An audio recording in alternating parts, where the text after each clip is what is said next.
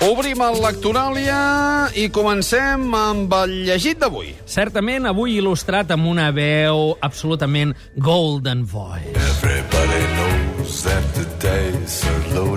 El nostre estimat Leonard Cohen, amb Everybody Knows, li posa música a sa sobretot de Xavier Bosch. A això mateix, a l'últim Premi Sant Jordi, la novel·la de Xavier Bosch, que tanta expectativa ha despertat. I Li has posat dues L's. Sí, potser per això he de dir que eh, a mi eh, ha estat una lectura, diguem, un pèl decebedora. La trobo discreta, la trobo molt ben documentada, recordem-ho, és la breu trajectòria d'un director de diari eh, a Barcelona en una època prèvia a les eleccions municipals, amb aquests ingredients de pressions polítiques, del Raval, d'una subtrama també en la qual hi ha islamistes que pretenen atemptar a Barcelona, doncs que era el que en sabíem abans de posar-nos-la a llegir, i hi havia aquella sensació de gran revelació.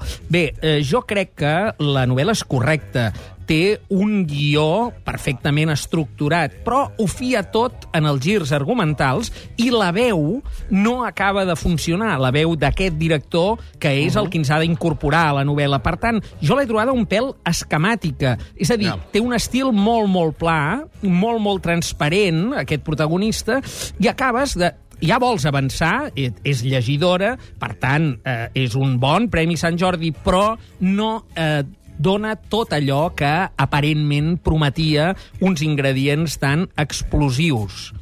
Mots clau.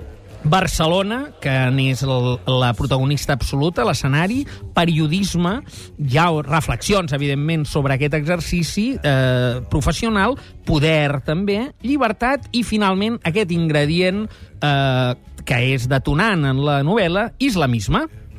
Money de Pink Floyd ens porta el rellegit. Que avui quin és, Màrius? Avui és una obra de teatre mm, molt breu que està seguida d'un petit text que la va mm, que, que s'ha descobert i que la va suscitar. Es diu El aumento i el text és El arte de abordar a su jefe de servicio para pedirle un aumento. Un aumento de sou, naturalment. Això és de l'autor francès Georges Perec i en aquesta traducció del francès a l'espanyol del Pablo Moinho, ho edita una petita editorial, crec que de Segovia, que es diu La unya rota, però es pot trobar fàcilment a tots, a tots les llibreries.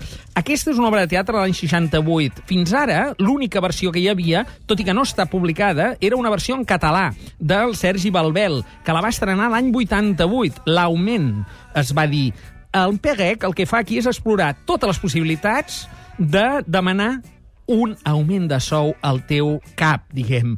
És una obra mm, molt reiterativa, eh, molt en el seu moment eh, experimental, però els que la vam, vam tenir el gust de veure-la i ara l'hem rellegida, francament interessant. El Quatre L's. Quatre L's, perquè a més hi ha un punt eh, interessant també, que és la troballa que ha fet aquest en Pablo Moinho eh, d'aquest segon text, el arte de abordar a su jefe de servicio para pedirle un aumento. Això és un text previ a l'any 68 que en Perec va publicar en una revista de pedagogia francesa i és un text que aquest sí que és molt complex de llegir perquè estudia tot l'organigrama d'aquestes possibilitats, com en un problema de lògica, en una redacció sense punts i a part. No?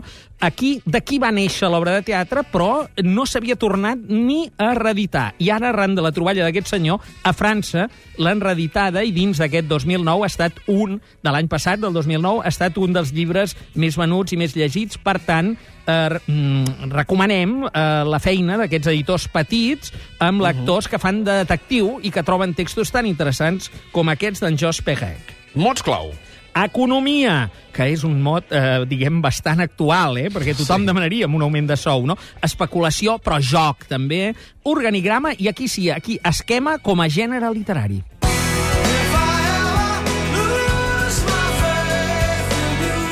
I ever lose my faith in you, Sting canta per il·lustrar-nos el fullejat. Sí, senyor, és un llibre eh, molt savi, un llibre, diguem, gruixut, eh, de pes, un assaig que es diu Antropologia de les creences, religió, simbolisme i racionalitat. Això és d'en Carles Salazar i ho edita Fragmenta Editorial. Això és una aproximació amplíssima. Jo m'he llegit alguns dels capítols, per això el poso en el fullejat, però l'he trobat molt, molt interessant perquè toca un tema tan delicat com l'aproximació a les creences, a la fe. A l'irracional de les diverses religions. El que passa és que aquí el discurs és des de l'òptica antropològica, també amb punts, diguem, eh, agafats de la sociologia, de la lingüística, que és el que m'ha interessat a mi més, també de la psicoanàlisi, no?